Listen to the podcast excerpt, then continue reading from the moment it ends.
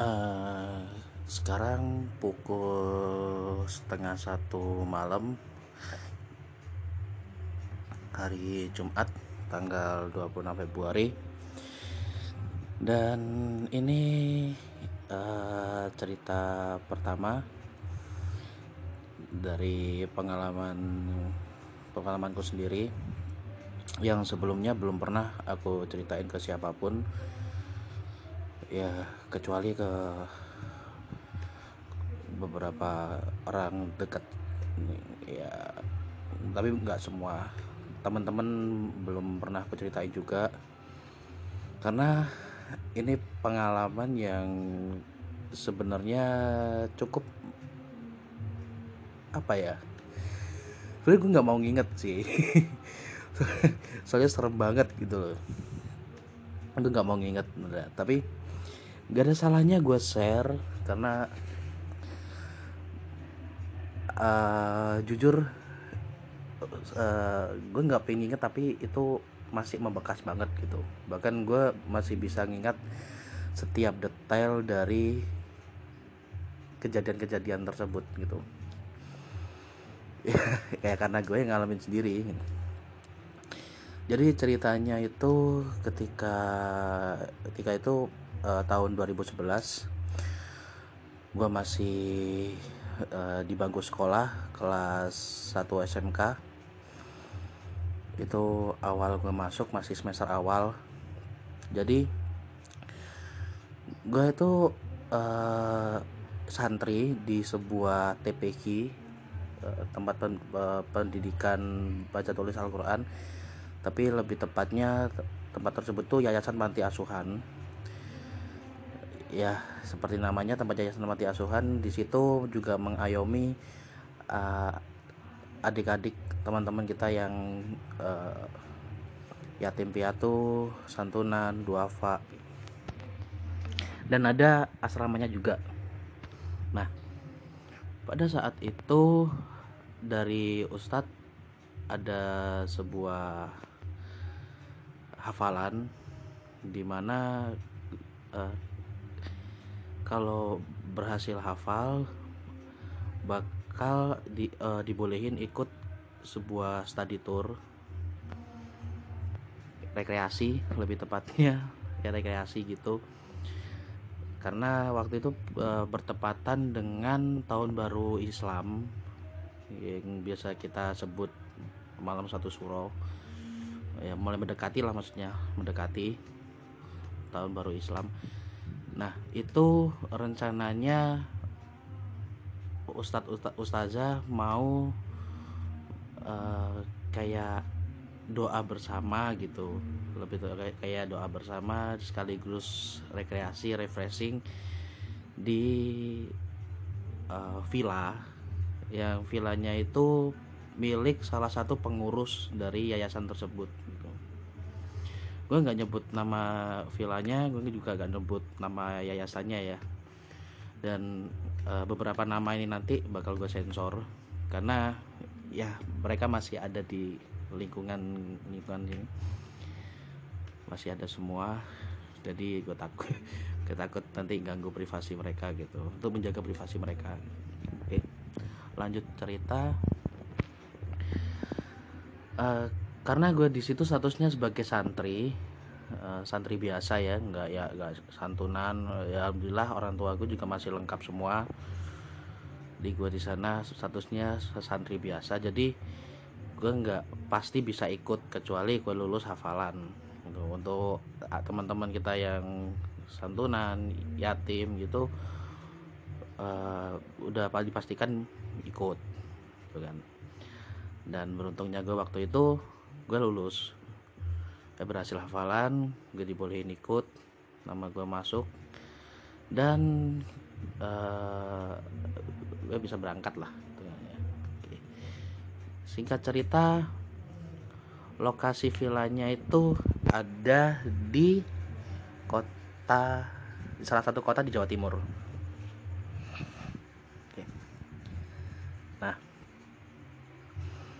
dan lokasi villanya itu di kaki gunung ya. Dan dekat dengan jalur pendakian. Dan di jalur pendakian tersebut ada air terjunnya. Ini sebagai uh, info awal dulu ya. Nah sebagai gambaran uh, villanya itu ada dua gedung ada dua gedung. Satu gedung utama itu cukup luas. Luas banget. Ada apa? Ruang tamunya tuh luas banget. Kamarnya ada dua kalau nggak tiga itu juga gede banget. Tapi kamarnya itu khusus cewek. Khusus cewek sama ibu-ibu pengurus. Kita yang cowok dan ya, kebetulan waktu itu ustaznya cuma satu yang ikut. Jadi kita tidurnya di area depan area ruang tamu karena itu cukup luas. Kita uh, dikas disediain apa kayak karpet gitu gede yang bulu lembut gitu. Kita tidurnya di situ. Nah awalan uh, ketika kita datang nih jadi di depan villa itu halamannya luas ada gazebo-nya juga. Gazebo-nya itu cukup gede juga uh, bisa untuk nampung sekitar 15 orang. Dan di sebelah kiri itu ada menara. Ada menara yang bentuknya itu mirip mercusuar setinggi tiga lantai. Ya karena uh, kita naik ke menara tersebut ya tiga lantai gitu. Itu menara kayu uh, tangganya juga tangga kayu dan di atas menara itu ruangan ruangan melingkar gitu luas cukup luas dan dindingnya dinding kaca. Jadi kita bisa lihat pemandangan yang ya lu cukup bagus lah gitu waktu kita datang kita para cowok-cowok pada naik ke menara tersebut ya karena kita penasaran. Jadi kita langsung naik kita lihat-lihat pemandangan wah keren ya gitu. Itu kita, eh, kita nyampe pukul 4 sore kalau nggak salah itu. Iya 4 sore. Jadi kita dat kita datang uh, terus sholat pada sholat sholat sendiri sendiri habis sholat asar yaitu pada naik ke menara kita lihat pemandangan dan karena saking capeknya kita semua tidur. Kita semua tertidur di atas menara tersebut gitu. Sampai menjelang maghrib sekitar setengah enam gitu. ya namanya di kaki gunung ya. Itu setengah enam tuh udah lumayan gelap. Udah lumayan gelap dan di situ ada kejadian aneh jadi tiba-tiba kabut itu turun dan itu tebal banget. Jadi waktu salah satu anak tuh bangun dia lihat jendela itu udah kabut. Dan dia langsung bangunin kita satu-satu. Bangunin eh bangun bangun bangun eh. Udah mau maghrib udah mau maghrib. Ayo bangun bangun. Anak pada bangun dan mereka kaget karena di dari dalam ya kita lihat jendela itu kabut gitu. Akhirnya kita bergerombol rentak pada turun semua. Dan waktu turun itu bener-bener gak kelihatan sama sekali. Semua ketutupan sama kabut. Sampai-sampai kita gak bisa ngelihat jalan yang kita lalui gitu loh. Itu saking tebalnya kabutnya itu. Ya itu terus uh, teman-teman pada inisiatif pada gandengan tangan uh, yuk gandengan tangan gandengan tangan biar nggak pisah yuk gitu. Dan kita berusaha jalan nyari uh, mau balik ke masuk ke villa. Nah jarak dari menara ke villa tersebut itu sebenarnya nggak jauh. Cuman ya 2-3 meter gitu. Tapi itu berasa jauh banget jauh jauh banget kita jalan terus terus uh, ke arah villa tapi nggak nyampe nyampe gitu. Itu sampai pada bingung. Ya mungkin uh, sekitar 5 menit 10 menit itu nggak nyampe. Itu udah lu udah kerasa kayak jauh banget gitu sekarang jarak 2-3 meter emang berapa lama sih? Hmm. tapi itu nggak nyampe-nyampe. Terus uh, di tengah-tengah kita bingung gitu ya kan pada berhenti semua. Akhirnya salah satu teman teriak eh ini ini ini rumahnya ini vilanya nih nih nih. Nah ternyata salah satu temanku itu nemuin tiangnya gitu. Kan di di teras itu kan pasti ada ada tiang-tiang nyangga langit-langit gitu ya. Nah itu nemuin itu dia pegang terus dia teriak-teriak manggil kita. Dan alhamdulillah uh, kita bisa nemuin vilanya dan ketika kita nginjek ke lantai villa kita lihat ke belakang kabutnya hilang. Kabutnya udah nggak setebal tadi. Dan uh, jarak dari menara ke villa itu kelihatan dan, dan tuh deket jaraknya normal. Tapi tadi waktu kita jalan itu terasa jauh banget. Itu keanehan yang pertama itu di hari pertama kita datang. Dan di situ uh, ada keanehan juga tiba-tiba jempol kakiku itu berdarah. Kuku kuku kuku kakiku patah. Ya karena uh, waktu itu aku suka manjangin kuku nggak terlalu apa nggak jarang rawat kuku lah. Jadi kuku itu panjang-panjang. Nah itu patah jempol kaki patah dan berdarah. Padahal waktu jalan di kabut itu gue nggak ngerasa ny- uh, nendang apa pun atau kesandung apa pun. Tapi tiba-tiba tuh berdarah. Ya udah uh, dibersihin gue bersihin gue balut pakai Hansaplas pakai plester udah. Nah, ya udah kita balik ke villa kita mandi siap-siap sholat maghrib setelah sholat maghrib kita makan bareng. Nah di, di belakang villa itu ada kolam renang nih.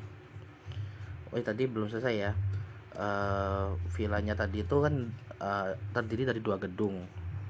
Satu gedung utama itu tempat kita istirahat dan satu lagi itu gedung kedua itu kecil dan itu dapur sama kamar mandi. Jadi kamar mandinya pisah. Kamar mandinya pisah. Beda beda gedung gitu ya cukup aneh sih kok kok kamar mandi dipisah gitu. Dan kita kalau jalan ke gedung kedua itu ada dua akses. Kita bisa lewat dalam terus ke belakang ke lewat uh, ngelewatin kolam renang atau kita lewat halaman depan belok ke kanan terus ke kanan lagi. Itu. Karena itu taman depan tuh cukup luas dan lokasi gedung kedua itu di belakang sebelah kanan. Nah waktu makan malam itu di area kolam renang ya. Jadi disiapin meja panjang jadi kita ngambilnya kayak prasmanan gitu. Ngambil sendiri-sendiri mulai dari nasi sama lauk. Di situ terjadi keanehan kedua. Jadi ketika kita bergantian ngambil makanan tiba-tiba lampu itu mati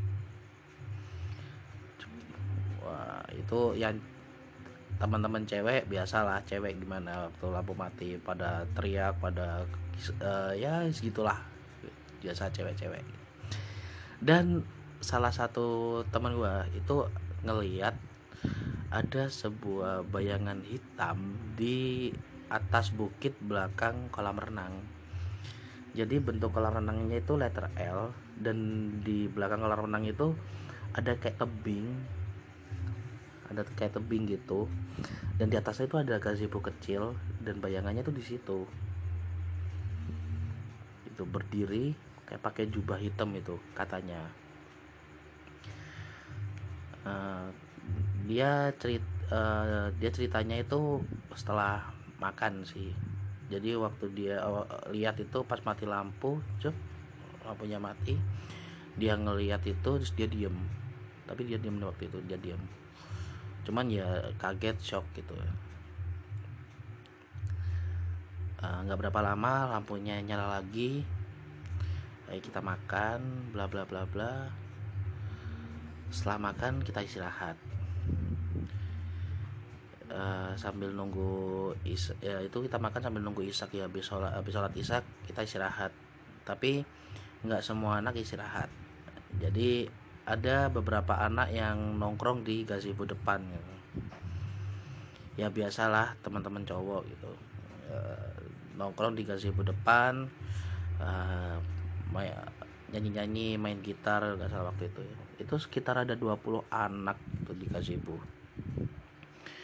nah waktu kita nyanyi di gazebo tiba-tiba salah satu teman gua itu ngeliat ada uh, sosok perempuan itu jalan di jalan setapak yang ada di bawah. Itu karena posisi vilanya itu naik ya. Jadi pintu masuk ke arah villa maksudnya akses akses jalan ke arah villa itu nanjak. Tapi di bawahnya itu ada jalan setapak kecil gitu. Nah, itu jalan yang biasa dilalui warga ada ada ada musola juga nah temen gue tuh ngelihat ada sosok perempuan pakai baju putih jalan gitu di situ. Dia langsung teriak kan panik gitu. Astagfirullahaladzim apa itu? gitu. Lah karena dari uh, rentetan kejadian di awal teman-teman langsung panik kan langsung panik langsung lari itu lari semua itu 20 orang lari semua. Langsung lari ke dalam masuk ke dalam dan tuh kayak, kayak kita langsung nanyain ada apa? Kamu lihat apa? Kamu lihat apa? Gitu. Tadi di bawah ada perempuan pakai baju putih jalan gitu jalan. Nah kita kita langsung kayak apaan sih? Gitu. Kan di bawah ada ada musola. Ya siapa tahu aja itu orang habis dari musola gitu. Ya kita mikir kan uh, orang dari musola mungkin masih pakai atasannya ruku gitu ya perempuan biasa kan. Pakai atasannya ruku biasa cewek-cewek kan gitu. Dia uh, dia alasannya ya ya panik kaget gitu. Ya nggak tahu gitu kan aku aku kaget aja gitu. kan dari awal udah udah kayak gitu kan. Udah banyak kejadian kayak gitu. Ya udah tuh. Tapi teman-teman udah akhirnya ke doktrin gitu kan pikirannya. Udah mulai parno. Uh, uh, sorry itu anak anak tetangga. Nangis.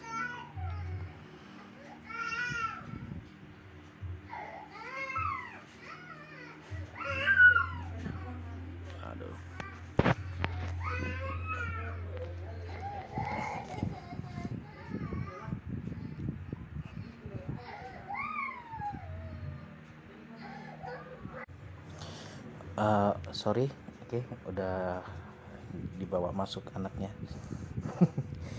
Ya karena di sini masih di tengah kota jadi kadang anak kecil belum tidur. Oke okay, kita lanjut. Ah di itu habis lihat kejadian perempuan jalan itu teman-teman akhirnya ya pada parno semua.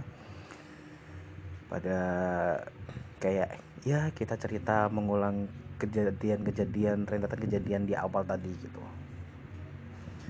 Kayaknya beberapa ada yang susah tidur karena takut tapi beberapa ada yang bisa tidur ya karena saking capeknya gitu. Di hari kedua ya semua berjalan biasa aja. Nggak nggak ada apa-apa. Di pagi itu tapi di siang harinya ketika uh, itu jam bebas ya. Jam bebas nggak kita nggak ada nggak ada kegiatan apa apa sesuai schedule. Jadi teman-teman pada main sendiri-sendiri karena di area tersebut ada peternakan sapi ada perkebunan warga juga perkebunan cengkeh terus warga-warga desa di sana juga ya ramah-ramah. Jadi teman-teman jalan-jalan tuh seneng gitu keliling-keliling desa. Uh, ah, gue sama beberapa teman gue berenang sih berenang biasa gitu. Terus kita dikasih tahu uh, salah satu teman lain bilang eh gak, gak ada yang mau lihat lihat air terjun ta gitu kan. Kita tanya emang siapa aja yang ke sana? Ada ada beberapa si A si B si C gitu. Ya kita sebut aja si si Pipit si Kiki uh, Mas Mastri terus sama Pam Pam jadi ada lima orang kalau nggak salah itu ya. Pipit Kiki Mastri Pam Pam sama satu lagi itu Agus. Ya. Ya itu ini kejadian udah lama ya jadi gue berusaha mengingat siapa siapa aja ya waktu itu yang ada di situ gitu. Akhirnya gue sama temen gue yang waktu itu berenang nyusulin. Nah waktu itu yang nyusulin empat orang gue terus ada salam terus ada didit terus sama satu lagi gue lupa namanya siapa.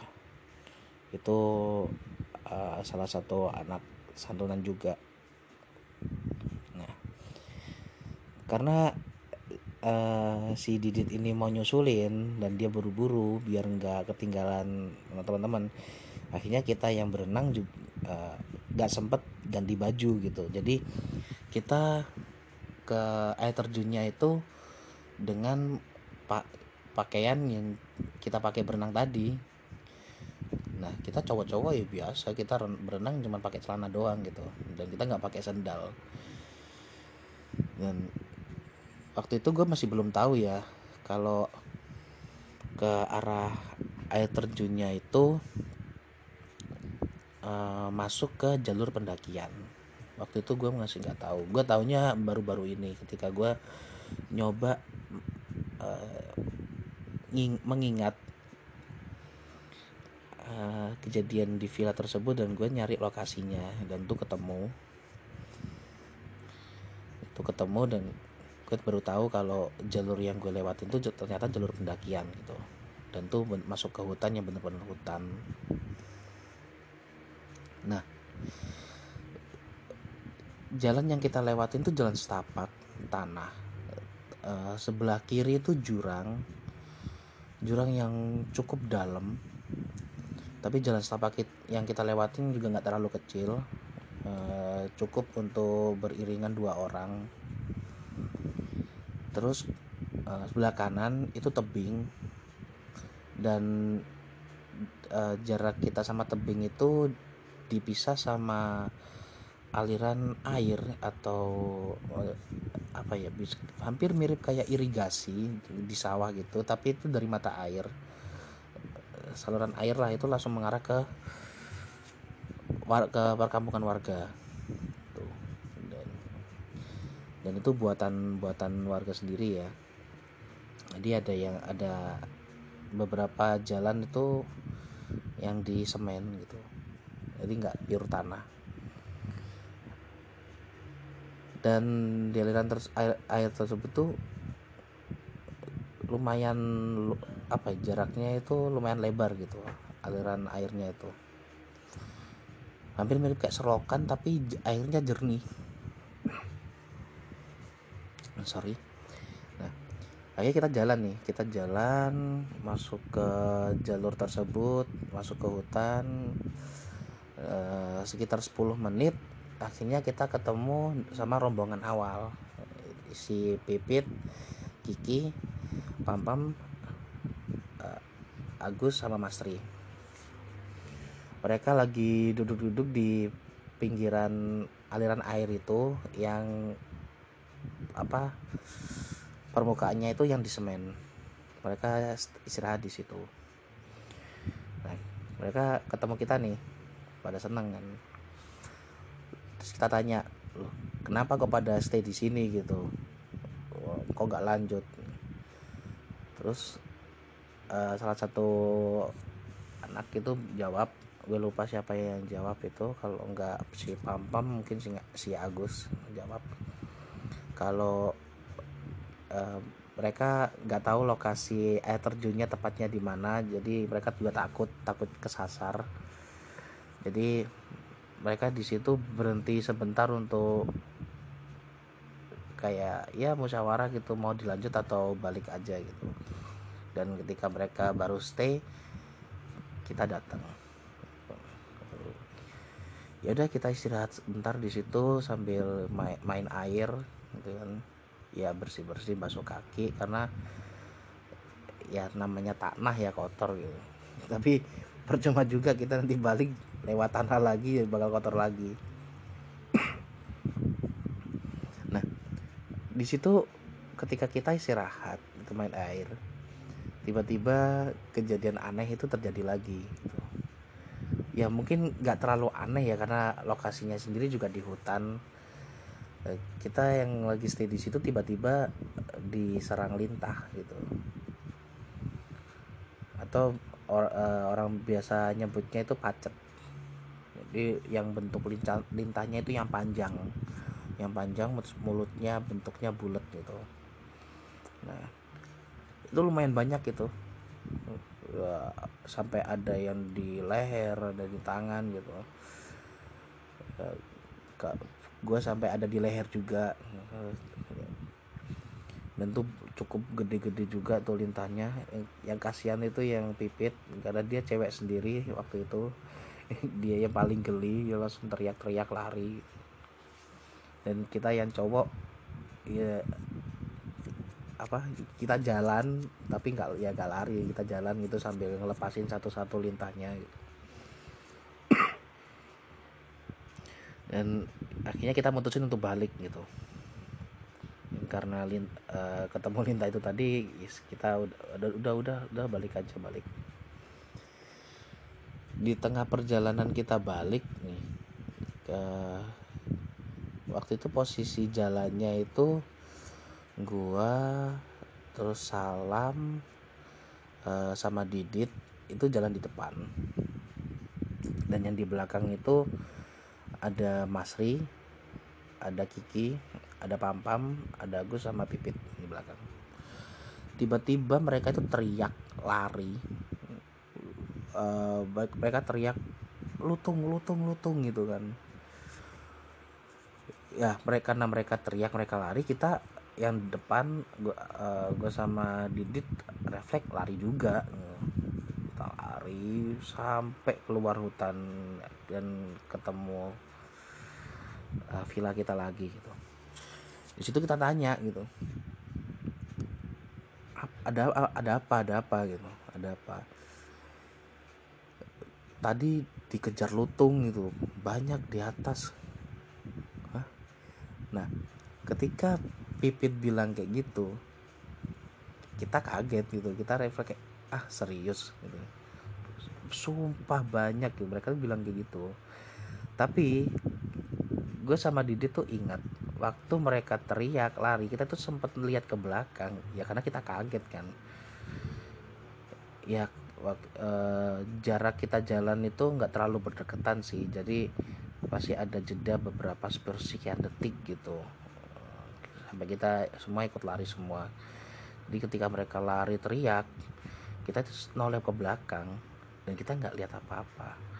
Tapi kata Pipit Agus sama Pampam itu di belakang ada banyak lutung di atas pohon yang ngejar mereka gitu.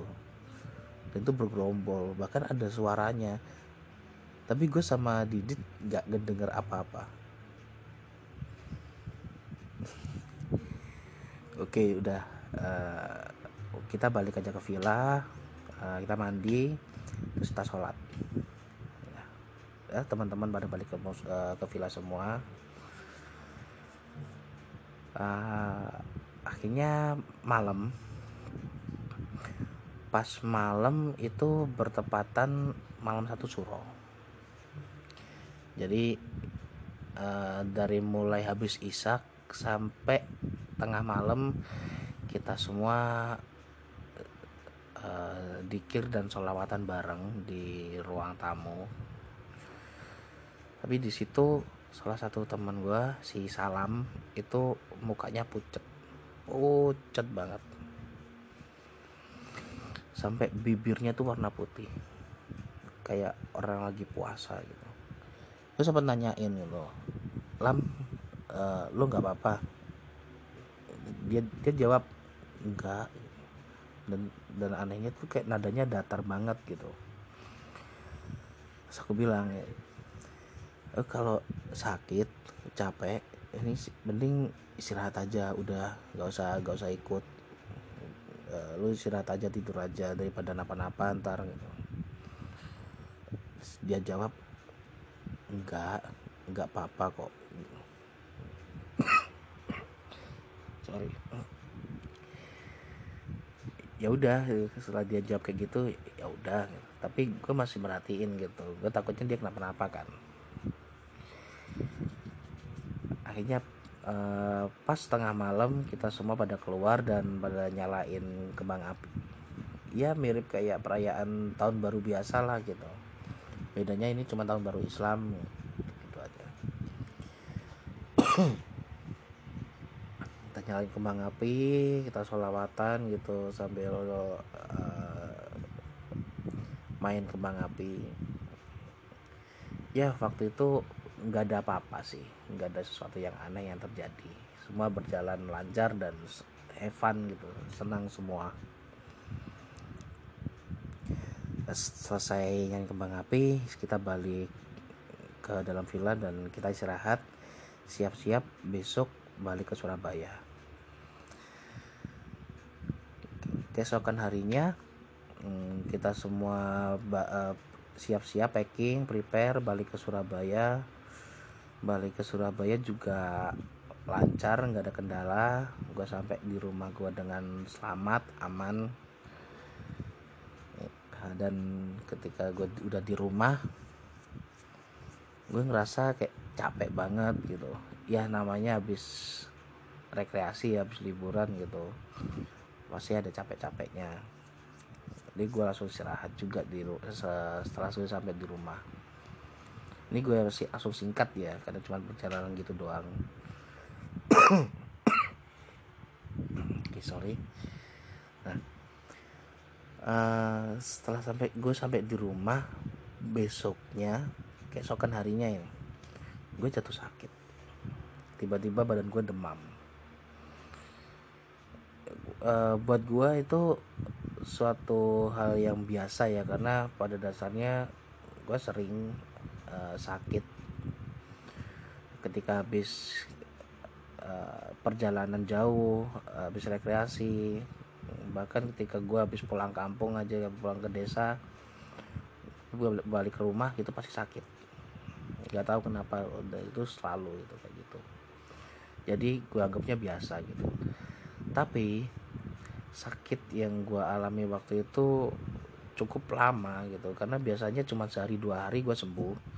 Tapi ini enggak ya sampai berhari-hari gitu. Dan ketika gue sakit banyak hal-hal aneh juga yang terjadi di rumah gue waktu itu. Jadi ceritanya itu gini. Ketika gue sakit gue cuma bisa rebahan doang di kamar di kasur. Waktu itu uh, orang tua kerja semua adik juga sekolah. Jadi gue stay sendirian di rumah. Tapi tempat kerja ibu itu nggak jauh dari rumah deket sama rumah. Dan pulangnya pun juga nggak terlalu malam sore sekitar jam 4 jam 5 gitu udah pulang nah waktu gue istirahat gue itu kayak uh, kayak mimpi tapi mimpinya itu rasanya tuh kayak nyata gitu loh. Rasanya kayak nyata. Eh, dan mimpinya itu aneh-aneh semua gitu. Ada yang mimpi uh, pesawat jatuh di sekitaran rumah gua gitu dan itu ngeluluh lantahin kampung gua yang ada di sini tetangga-tetangga rumah-rumah gitu. semua kebakar semua uh, ya ada ledakan di sana di sini gitu. Banyak mayat berserakan gitu dari apa uh, korban penumpangnya pesawat tadi dan tetangga-tetangga juga. Itu rasanya kayak nyata gitu. Kayak kayak gue itu ada di uh, lokasi tempat tersebut gitu loh. Bukan kayak mimpi rasanya itu tapi itu mimpi. Gue tahu itu mimpi tapi rasanya tuh kayak, kayak nyata gitu. Gambaran-gambarannya tuh jelas banget gitu. Terus uh, ada juga yang uh, apa ya kayak acara Idul Adha gitu. Ya perayaan Idul Adha.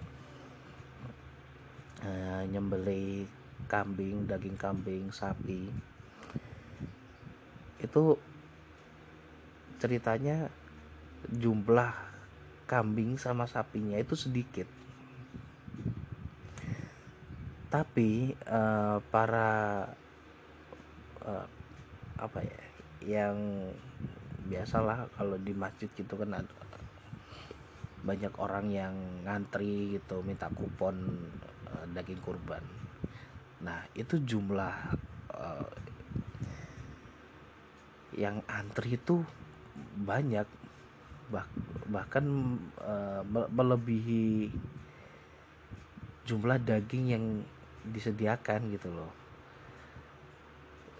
Saking banyaknya panitia kurban tuh sampai kebingungan gimana caranya e, membagi rata.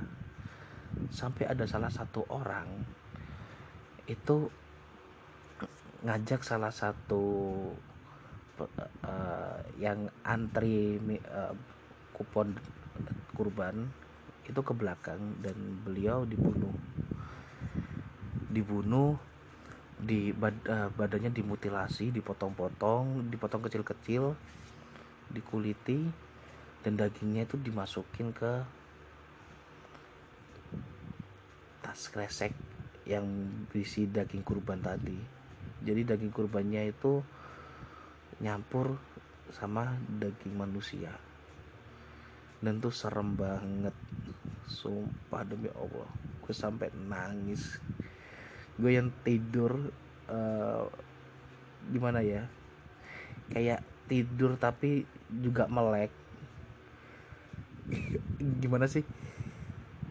Um, bahkan ketika gue mal, uh, gimana ya ini posisinya gue tidur nih gue tidur. Terus gue mimpi yang kayak gitu. Gue bangun gue kebang kebangun karena yes namanya mimpi buruk kan. Gue kebangun posisi gue melek tapi gambaran-gambaran dari mimpi tersebut tuh masih berlanjut gitu loh. Aneh gak sih? Ya, kayak gitu. Dan tuh gue sampai nangis. Sampai yang yang nangis diem gitu loh. Kayak kayak uh, kita kita nonton nonton TV yang yang TV-nya itu VR gitu kita nonton VR gitu. Dan itu ya Allah. Bahkan salah satu panitia kurbannya itu ada ada bapak gua sendiri gitu loh. Bapak gua sendiri sampai motong motong daging manusia dari orang yang ngantri daging kurban tadi. Ibu gua masuk ibu gua uh, waktu itu sore ya. Ibu gua pulang kerja dan tahu kondisi gue yang posisinya itu melek sambil nangis gue kaget dong langsung nanyain ada apa? Ada apa? Kok nangis? Kenapa? Gitu. Jadi gue cerita. Gue uh, ngalami mimpi yang kayak gini gini gini. Bahkan gue udah bangun udah melek tapi gambaran-gambaran tuh masih ada masih masih berlanjut bahkan. Dan ibu cuman kayak udah nggak apa-apa udah istighfar istighfar aja. Astagfirullahaladzim astagfirullahaladzim tapi mimpi-mimpi yang kayak gitu masih terus berlanjut sampai beberapa hari. Uh, bahkan mimpi kayak uh, aneh-aneh kayak ada meteor jatuh. Hampir mirip kayak pesawat jatuh tapi itu berupa meteor. Terus uh, mimpi soal ya maaf pembunuhan tadi. Tapi uh, berupa konflik uh, dua kubu ya bisa bisa dibilang ketawuran gitu. Itu sampai saling bunuh membunuh. Dan banyak yang lain juga nggak bisa nyebutin satu-satu. Karena itu ya bisa ya serem banget sih serem-serem sampai pada akhirnya ada satu hal yang terjadi. Ketika gue lagi tiduran uh, istirahat dari langit-langit rumah. Ya langit-langit rumah gue waktu itu plafon ya. Plafon putih gitu. Dari plafon rumah at atas rumah itu tiba-tiba muncul kayak awalnya tuh gambar kayak gambar gitu muka. Yang itu awalnya tuh gak, gak begitu jelas. Tapi pelan-pelan tuh gambarnya itu makin jelas makin jelas bahkan timbul makin timbul makin timbul tiba-tiba nembus kayak nembus gitu. Dan ya astagfirullahaladzim. Saya merinding, gue merinding gue merinding beneran. Uh, muncul sosok muka. Dan mukanya itu warnanya merah. Warnanya merah dan bertaring kelihatan matanya melotot gitu. dan uh, gimana ya dari taringnya itu dari mulutnya netes darah dan tuh kerasa banget waktu gue lihat sosok itu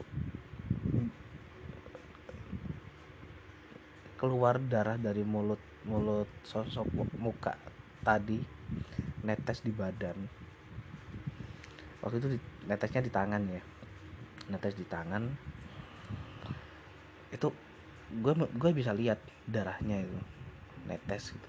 Kayak kayak gimana ya? Kayaknya itu bukan darah dia gitu tapi kayak darah dari makanannya gitu. Gak tahu gak tahu siapa yang dia makan.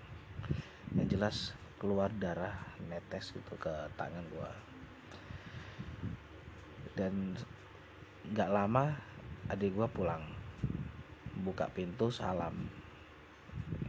Gue langsung ya langsung noleh gitu ya. Notice karena gue takut kan ketakutan banget gue waktu itu. Gemetaran banget gak bisa gerak. Gue langsung buah muka. Gue jawab waalaikumsalam. Dan gue lihat ke atas lagi uh, sosok muka itu udah hilang.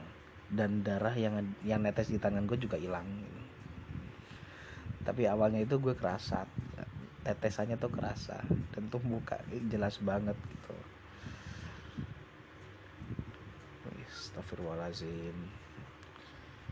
Ini sumpah gue cerita sambil ini, ini merinding ini beneran. Dan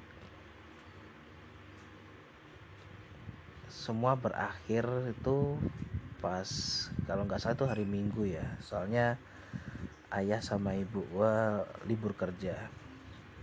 Waktu itu nggak kerja udah ya libur lah libur libur kerja libur weekend. Jadi pada ada di rumah semua. Oke okay, sorry. Jadi waktu itu bangun tidur masih pagi. Gue bangun tidur biasalah kalau hari minggu itu uh, ibu nonton TV nonton berita berita pagi. Ayah baru sarapan waktu itu. Gue bangun gue kan udah ngerasa agak enakan sih. Jadi gue bisa turun dari kasur gue jalan ke ruang tamu gue gue ikut duduk di sebelah ibu sambil nonton TV ayah waktu itu masih di dapur ngambil makanan mau sarapan.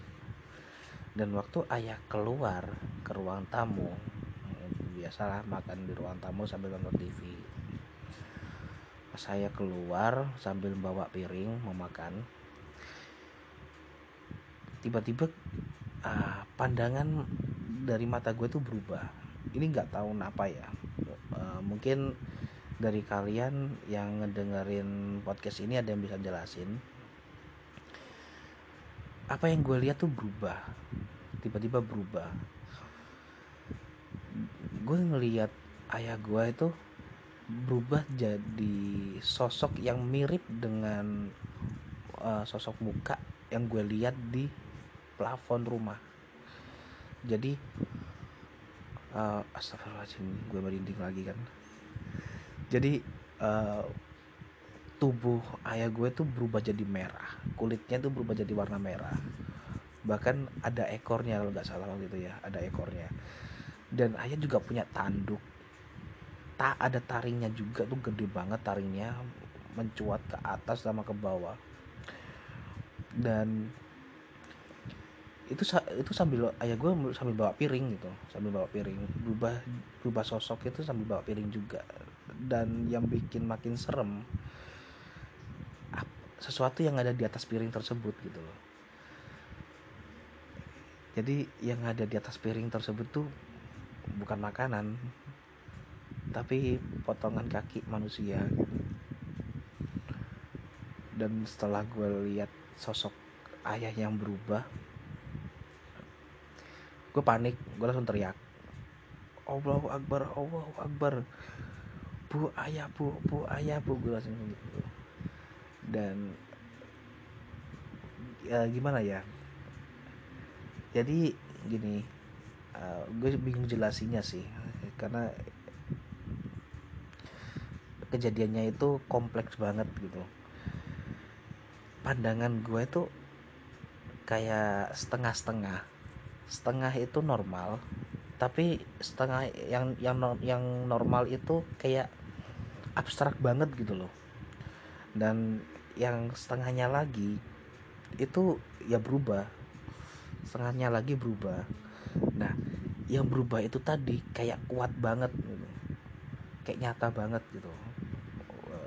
Ya gue harap kalian paham ya. Jadi pandangan gue itu berubah. Tapi gue masih bisa ngelihat normal. Sayangnya yang normal itu kayak abstrak kayak nggak begitu jelas gitu loh. Nah yang berubah itu justru malah yang jelas banget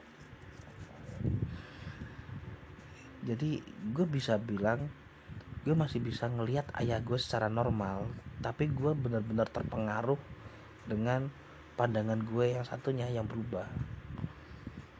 Apa yang gue lihat waktu itu dua gambaran dua pemandangan ayah gue yang berubah sama ayah gue yang posisi normal. Jadi gue bisa bisa lihat paniknya ayah gue waktu itu waktu gue teriak-teriak. Gue bisa lihat. Waktu gue teriak bu ayah bu bu ayah bu ayah berubah bu ayah berubah gitu. Gue teriak kayak gitu. Ayah gue langsung panik langsung nyamperin Gilang Gilang kenapa? Gilang kenapa? Gitu. Itu yang normal. Tapi yang berubah gue lihat sosok ayah dengan wujud merah itu marah. Matanya melotot ngamuk sambil megangin uh, potongan kaki yang dia bawa. Kayak memukul gue kayak mau dipukul pakai potongan kaki itu tadi gitu dan setelah itu gue udah nggak sadar.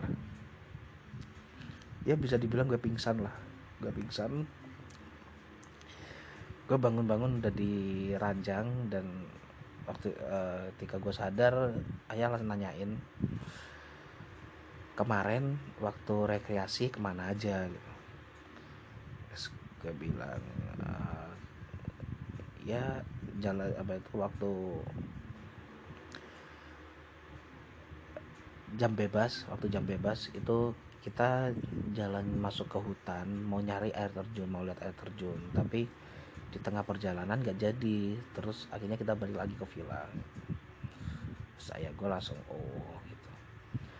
Oh ya ini gue lupa cerita ya gue lupa cerita. Jadi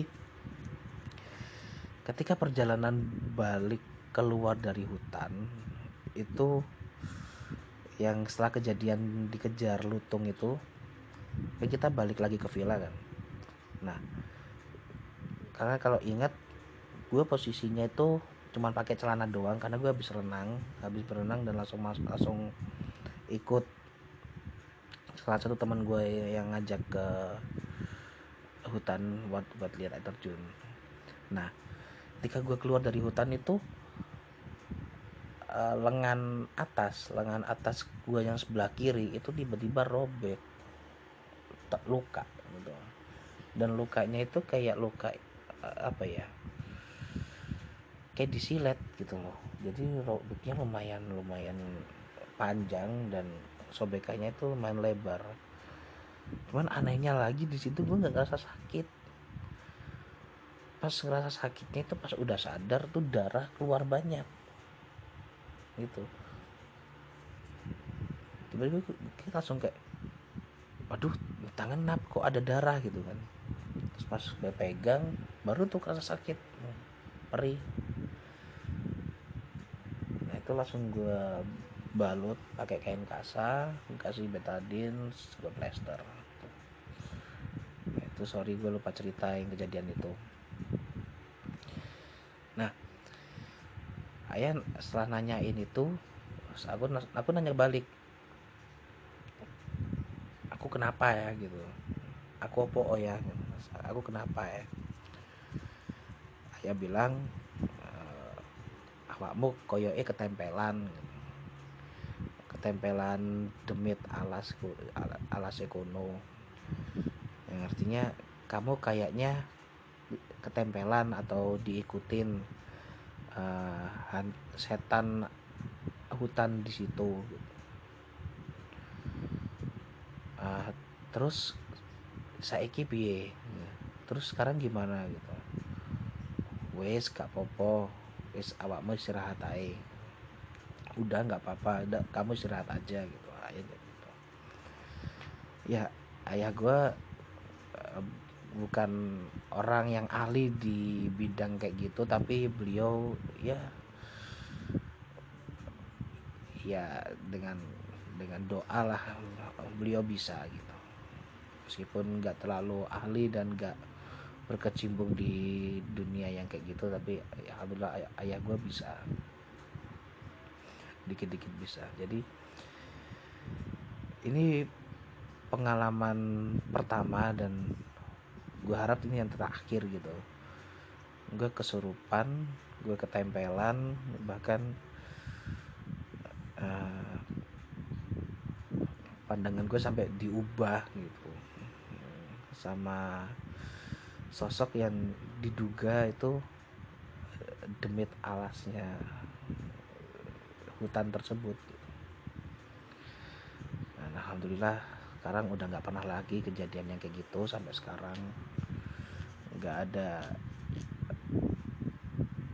apa ya mimpi-mimpi yang kayak gitu. Pada apa bayangan-bayangan yang kayak gitu udah nggak terjadi lagi ya sekian gitu cerita gue pengalaman gue yang sebelumnya gue nggak pernah gue ceritain ke siapa pun. Oke gue ceritain di sini. Uh, gue harap kalian suka. Nggak kalau nggak suka ya nggak apa-apa. Gue minta maaf kalau ada salah-salah kata. Uh, nama gue Gilang dan sampai jumpa